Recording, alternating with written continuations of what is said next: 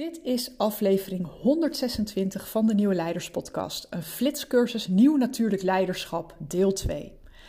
Dit is de tweede aflevering uit een driedelige flitscursus over nieuw leiderschap. En heb je nou de eerste gemist, dan raad ik je aan om die straks alsnog te gaan luisteren, maar dat is niet per se nodig om te begrijpen waar we het hier over hebben. Want in deze aflevering gaan we kijken naar een belangrijk ingrediënt voor nieuw leiderschap. En dat is een hogere kwaliteit van aanwezigheid. En we gaan kijken hoe je die kunt ontwikkelen. En waarom is dat belangrijk? Nou, ten eerste krijgen we per dag zo ontzettend veel prikkels over ons heen dat de meer subtiele informatie nou een beetje aan ons voorbij gaat. Terwijl daar heel veel informatie in zit die wel relevant is en ja, door een hogere presence kunnen we dus meer, beter afgewogen beslissingen nemen. Omdat we werken met dat wat er uitgesproken wordt, maar ook dat wat er niet uitgesproken wordt. Een goede presence, een hoge kwaliteit van aanwezigheid maakt dat je voorbij de herrie kunt waarnemen. Maar een andere belangrijke reden is dat we op die manier niet langer reageren vanuit emotie of vanuit triggers of vanuit projecties, maar veel meer vanuit neutraliteit. En als iets belangrijk is in een tijdperk van korte lontjes, polarisatie en verdeeldheid, dan is het dat wel. Nou, deze driedelige serie is een kleine proeverij van waar we uitgebreid mee aan de slag gaan in het Leiderschapslab, het gloednieuwe programma dat dit najaar start. En je kunt het Leiderschapslab nog het beste vergelijken met een soort ervaringsgerichte expeditie. En we gaan daarin met allerlei werkvormen, vraagstukken en oefeningen aan de slag om bij jezelf dat nieuwe leiderschap te ontdekken, te ontwikkelen en te verdiepen.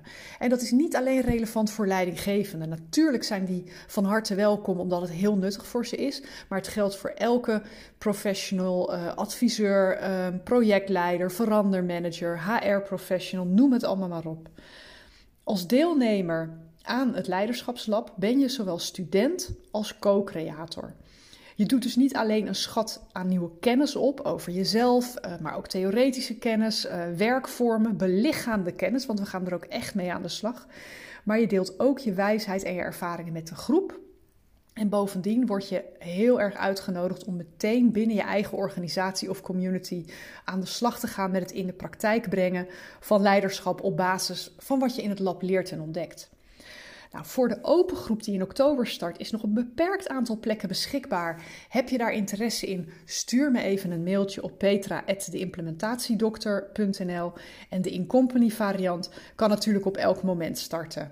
Je leest meer over het hele programma op hetleiderschapslab.nl of via de link in de show notes.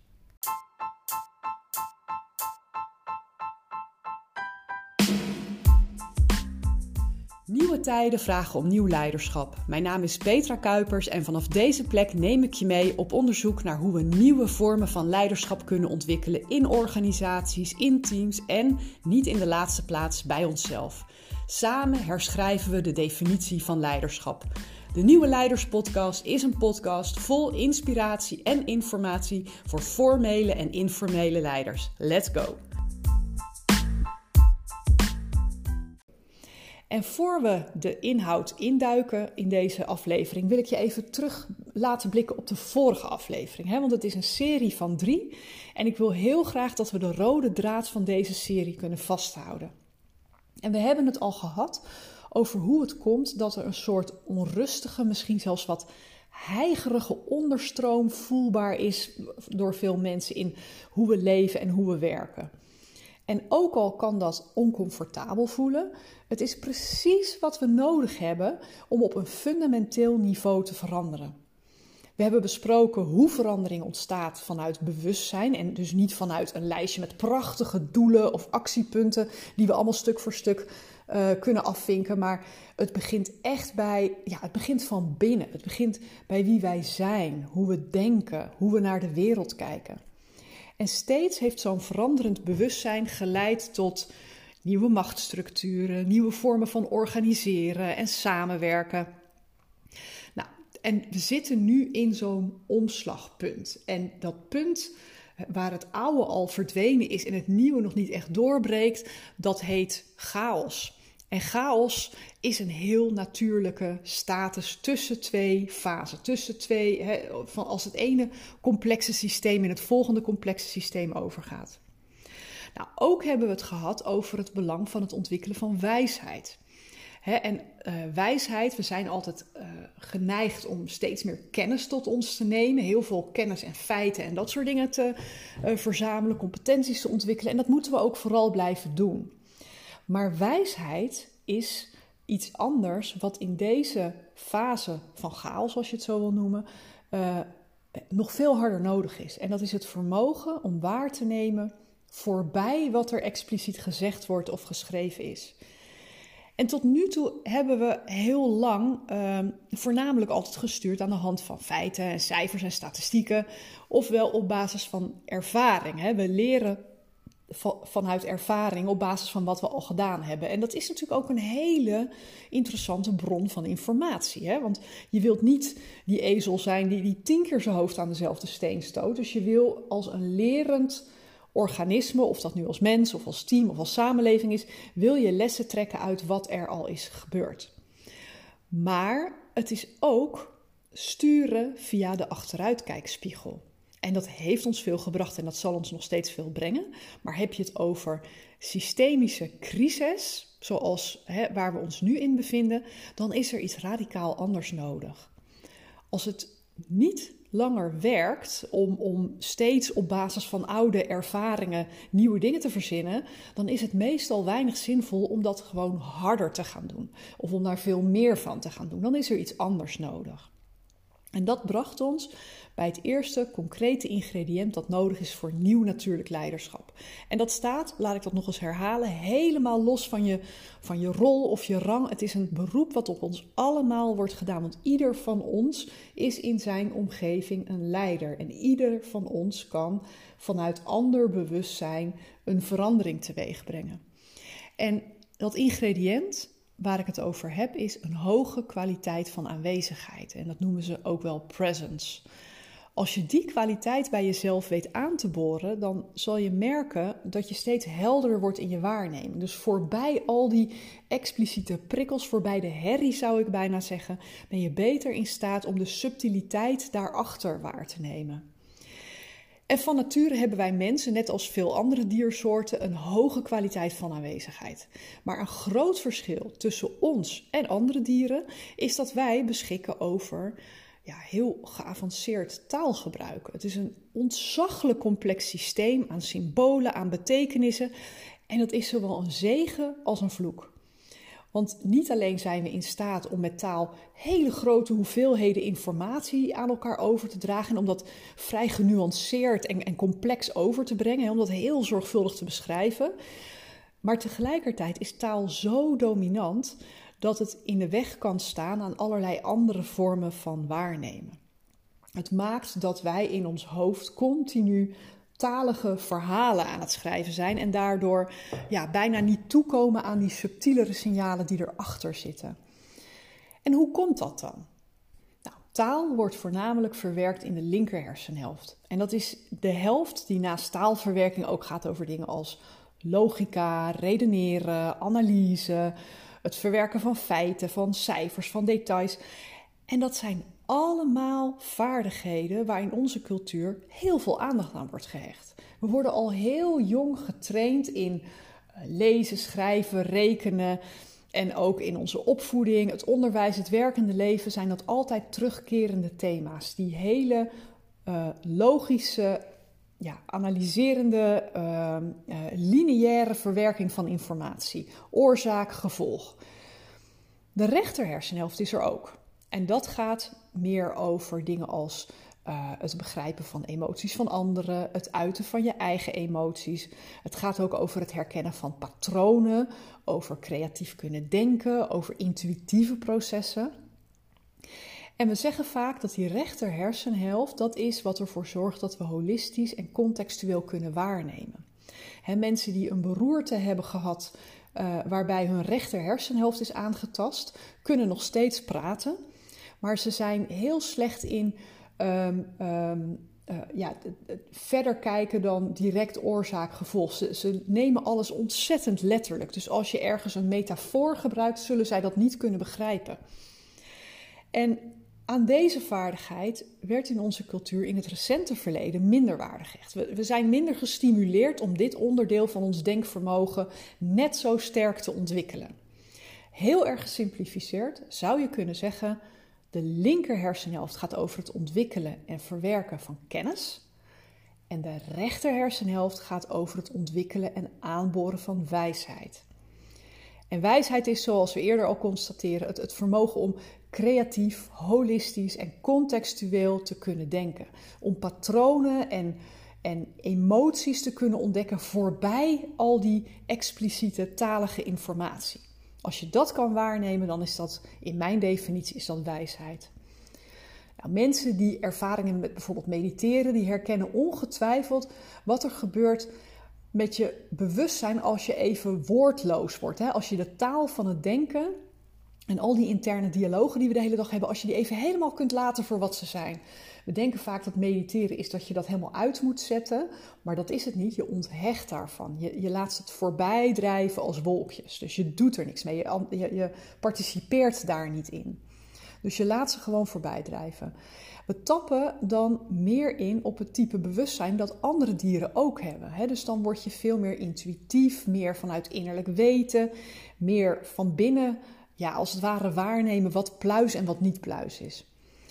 En achter al die mentale herrie blijkt dan enorm waardevolle wijsheid te zitten. Over dingen die niet werken in je leven, over uh, verlangens die je nog niet had, maar ook over situaties waarvan je ja, eigenlijk dacht van, hé, wat gek. Ik heb het idee dat hij dit zegt, maar ik voel iets anders. Nou, dat is allemaal informatie waar we in de dagelijkse drukte vaak niet echt bij kunnen komen. Dus het is echt alsof je een andere bron aanboort. En zo'n staat van presence ontwikkelen, dat is een soort spier die je kunt trainen. Iedereen kan het. Uh, maar het vraagt, net als het ontwikkelen van spieren, vraagt het om tijd en aandacht. En het begint met ontprikkelen. En daar is ontzettend veel over te vertellen, over ontprikkelen. Maar ik kies er in het kader van deze serie één element uit waar we in onze cultuur ja, nog niet zo goed in zijn eigenlijk, zodat we daar meteen een mooie slag in kunnen maken. En dat element is zelfregulering. En met zelfregulering um, bedoel ik aanwezig kunnen zijn bij gevoelens van jezelf, dus dingen die je ervaart in jouw hele ja, uh, zenuwstelsel, in jouw hele systeem, ook als die minder prettig voelen. En ik vertelde in de vorige aflevering al dat we de hele dag door positieve en negatieve lading opdoen. Door emoties die we al dan niet bewust ervaren. En dat gaat nooit veranderen. Dat is heel natuurlijk, dat is heel normaal. En dat is ook een ja, belangrijk deel van de ervaring die we hebben als mens, hè, van deze menselijke ervaring. Maar wat we niet echt geleerd hebben over het algemeen. En wat wel belangrijk is voor een hoge kwaliteit van aanwezigheid, is eerst die lading neutraliseren voordat we reageren. Neutraliseren betekent dat je niet meer vanuit een trigger of een prikkel of een projectie reageert, maar keuze hebt uit een veel breder palet aan reacties. wat je dan in feite doet, is je gaat in het oog van de orkaan staan in plaats van dat je daar heel hard in mee gaat draaien. En die neutrale kalmte, dat maakt dat we steeds beter in staat zijn om waar te nemen. Voorbij alle prikkels, voorbij alle informatiestromen, zonder dat die ons uit balans brengen. En dat is precies de vorm van leiderschap die in een, ja, in, in een tijd van heel veel korte lontjes en polarisatie en noem het allemaal maar op, keihard nodig is. En als je een beetje opgelet hebt, dan merkte je misschien dat ik twee termen gebruikte: gevoelens en emoties. En dat zijn geen synoniemen, dus laat ik eerst het, verschil eens toelichten. Emoties, zoals ik in de vorige aflevering vertelde, zijn uh, eigenlijk niks anders dan energy in motion. Het zijn aangeboren producten van ons zenuwstelsel en je kan het zien als een soort ja, fysiologische reactie op een situatie. Gevoelens zijn geen producten van ons zenuwstelsel, maar dat zijn producten van onze gedachten. Want wat we voelen bij een situatie komt niet door die situatie. Dat komt door de gedachten erbij. En willen we leren om te reguleren, dan is het dus heel goed om het bij de wortel aan te pakken. En laten we daarvoor eerst eens kijken uh, waar het precies vandaan komt. We zijn als mens niet geboren met het vermogen om met moeilijke emoties om te gaan. En in de meeste situaties, en ik hoop dat dat voor jou ook het geval was, zijn het je ouders of verzorgers die een soort secure base zijn, die jou helpen om die emoties te reguleren. Dat noemen ze ook wel co-regulatie. Maar hoe goed je ouders ook zijn, er zijn altijd in de loop van jouw leven vormen van moeilijke omstandigheden waar je mee te maken krijgt. En dat kan echt al iets zijn als niet je zin krijgen in de speelgoedwinkel, ehm, tot natuurlijk helaas ook de diep traumatische gebeurtenissen die sommige mensen al jong meemaken. En tot een bepaalde leeftijd denken wij met ons kinderlijk bewustzijn dat wij het middelpunt van alles zijn. En niet alleen ehm, eh, vanuit een soort, soort narcisme, zeg maar, maar we denken bij moeilijke situaties vaak als verklaring van het komt door mij, het is mijn schuld, ik heb dat gedaan. Ik kan het niet, ik ben niet dapper, ik ben niet slim of lief genoeg en daarom gebeurt dit. En om ons veilig te houden, kiezen we een bepaalde vorm van gedrag. En die interpretaties vanuit kinderlijk bewustzijn hebben één ding met elkaar gemeen en dat is eigenlijk kloppen ze zelden. De moeilijke ervaring die je had was helemaal echt. Daar wil ik ook niks aan afdoen. Maar de interpretatie die, je, die je met je kinderlijke brein maakte om met die pijn van de heftige gebeurtenis om te gaan, om die niet te hoeven voelen, die is vaak niet echt. Je kiest een set aan gedragingen die maken dat, jij, dat je daarmee om kon gaan. En in de loop van ons leven maken we op die manier allerlei ja, onbewuste scripts over wat we moeten doen om onszelf veilig te houden. Dus als ik het in deze context heb over regulatie, dan bedoel ik het bewust worden van achterhaalde scripts. En vervolgens kijken van wat zit er scheef in mijn denksysteem. En um, we hebben niet zo goed geleerd om bij het gevoel te blijven, om daarbij aanwezig te zijn. We hebben vaak de neiging om gevoelens te negeren of ze te onderdrukken en gewoon verder te leven, om er een soort deksel op te stoppen. Maar ze kunnen ons juist heel veel inzicht geven over hoe we denken.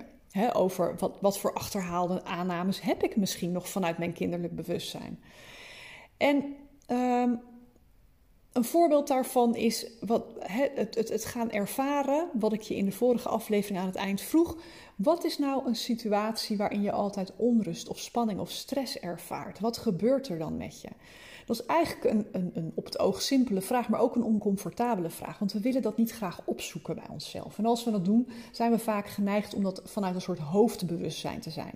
Te doen. Hè? Om, om eens na te denken van, nou, ik vind het wel heel vervelend als ik een presentatie moet houden. Nee, kun je voelen in je lijf waar dat dan zit.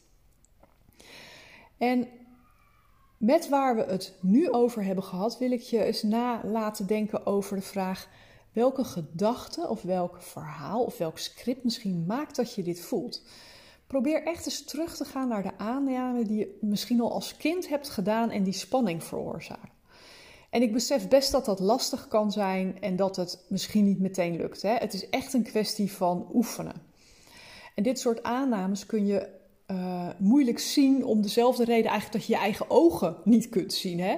Het is alsof je een vis bent aan wie je vraagt van joh, vertel eens hoe het water is. Het is een denkpatroon dat zo geïnternaliseerd is dat het voelt als onlosmakelijk onderdeel van wie jij bent. En een paar willekeurige voorbeelden van verhalen uh, die ik van klanten hoor bij dit soort oefeningen is uh, verhalen die zij zichzelf vertellen. Als ik al dat werk niet op tijd afkrijg, dan val ik door de mand en dan zien ze dat ik niet goed genoeg ben. Dat is een heel vaak terugkerende, uh, echt het uh, uh, imposter syndroom, het door de mand val syndroom. Ik kan mezelf maar beter onzichtbaar maken, zodat ik nergens de schuld van krijg. Die zie ik ook vaak terugkomen. Als ik mijn boosheid laat blijken, dan houden ze niet meer van me. ik moet hard mijn best doen om bij de groep te blijven horen. Of Niemand mag last van me hebben en daarom vraag ik nooit om hulp en zeg ik nergens nee tegen. En het is een misvatting om te denken dat emotie altijd groot en meeslepend en dramatisch is. Door het aan te kijken en er nieuwsgierig naar te zijn, draai je als het ware een ventiel los en haal je de spanning eraf, waardoor je teruggaat naar neutraal en weer terug kunt gaan in het oog van de storm.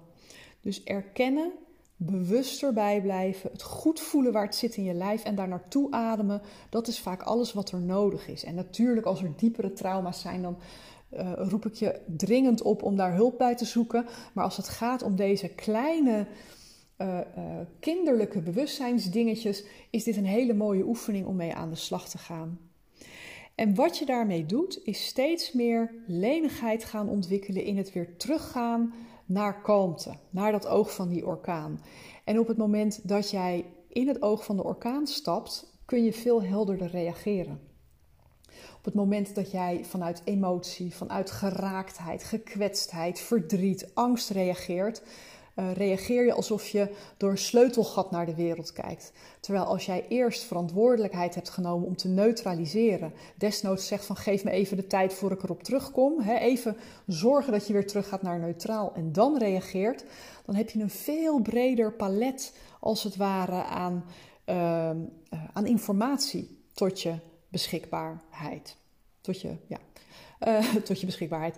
En dat is de basis voor een nieuwe leider. Emotionele volwassenheid. In staat zijn om vanuit neutraliteit, zonder projectie, zonder onveilig gedrag, uh, in het oog van die storm te staan.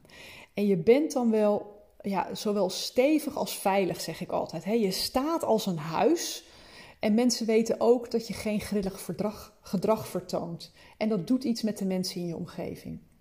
Nou, dat even voor deze aflevering. Volgende keer gaan we met deel 3 aan de slag. En dan gaan we kijken naar regeneratief natuurlijk leiderschap. En ik ga je een heel aantal praktische dingen geven die een soort aantrekkelijk alternatief geven voor het leiderschapsverhaal wat we ons tot nu toe verteld hebben. Als leiderschap op een andere manier uh, mag worden ingevuld, dan is dit een alternatief uh, waar je eens over na kan gaan denken. Heb je opmerkingen naar aanleiding van deze aflevering? Dan hoor ik het natuurlijk graag. Stuur me een mailtje en dan uh, kom ik er bij je op terug. En anders tref ik je heel graag bij aflevering 3 van deze flitscursus. Dankjewel voor het luisteren naar de Nieuwe Leiders podcast. Was deze aflevering waardevol voor je? Door hem te delen of een recensie achter te laten help je nog veel meer mensen om de Nieuwe Leiders podcast te vinden. En vergeet niet de podcast te volgen zodat je niets meer mist. Ik tref je graag bij de volgende aflevering.